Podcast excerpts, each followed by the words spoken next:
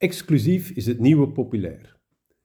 Intuïtief denken we dat meer altijd beter is. Als we meer potentiële klanten aanspreken, kan dat toch alleen maar goed zijn, zou je denken. Dat is een misvatting die gestoeld is op de wet van de grote getallen. Je neemt een zo breed mogelijke doelgroep en hoopt dan een percentage ervan te scoren. In die redenering vergeten ondernemers dat om meer klanten te bereiken je ook meer lawaai moet maken en dus meer moet uitgeven aan publiciteit of een duurdere locatie moet huren. Bovendien ga je ook jagen in bossen waar heel wat andere jagers actief zijn.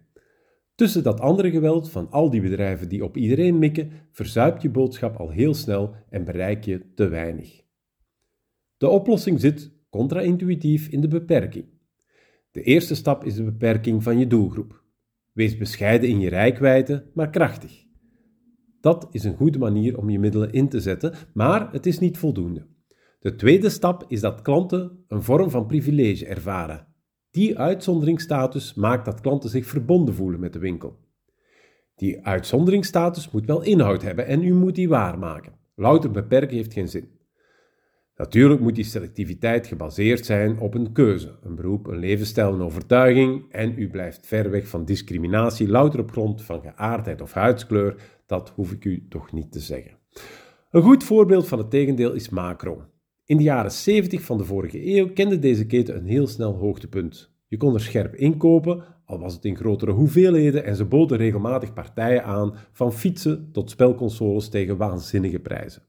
Niet altijd de beste kwaliteit, maar wel spotgoedkoop. Maar die buitenkantjes waren niet voor iedereen weggelegd. Je moest detailhandelaar zijn of horeca-uitbater.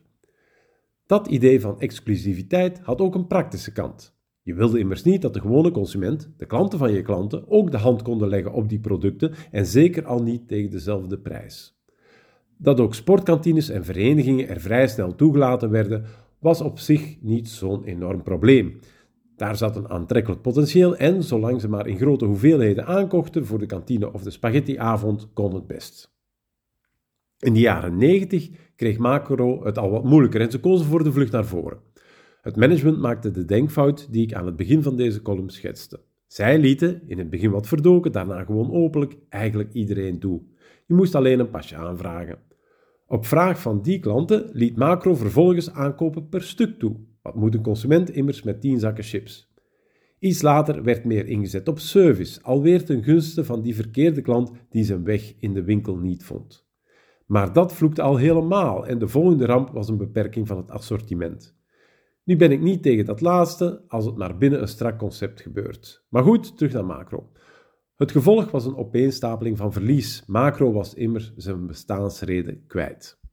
Aldi bood veel dichter bij huis, ook bijzondere aanbiedingen, en Hanos en Sligro hadden en hebben voor de horeca een veel beter toegespitst en inspirerender assortiment. Dat heeft geleid tot de gekende problemen bij Macro. Welke les kunt u daar nu uittrekken voor uw winkel? Maak niet de fout van Macro door alles te willen zijn voor iedereen.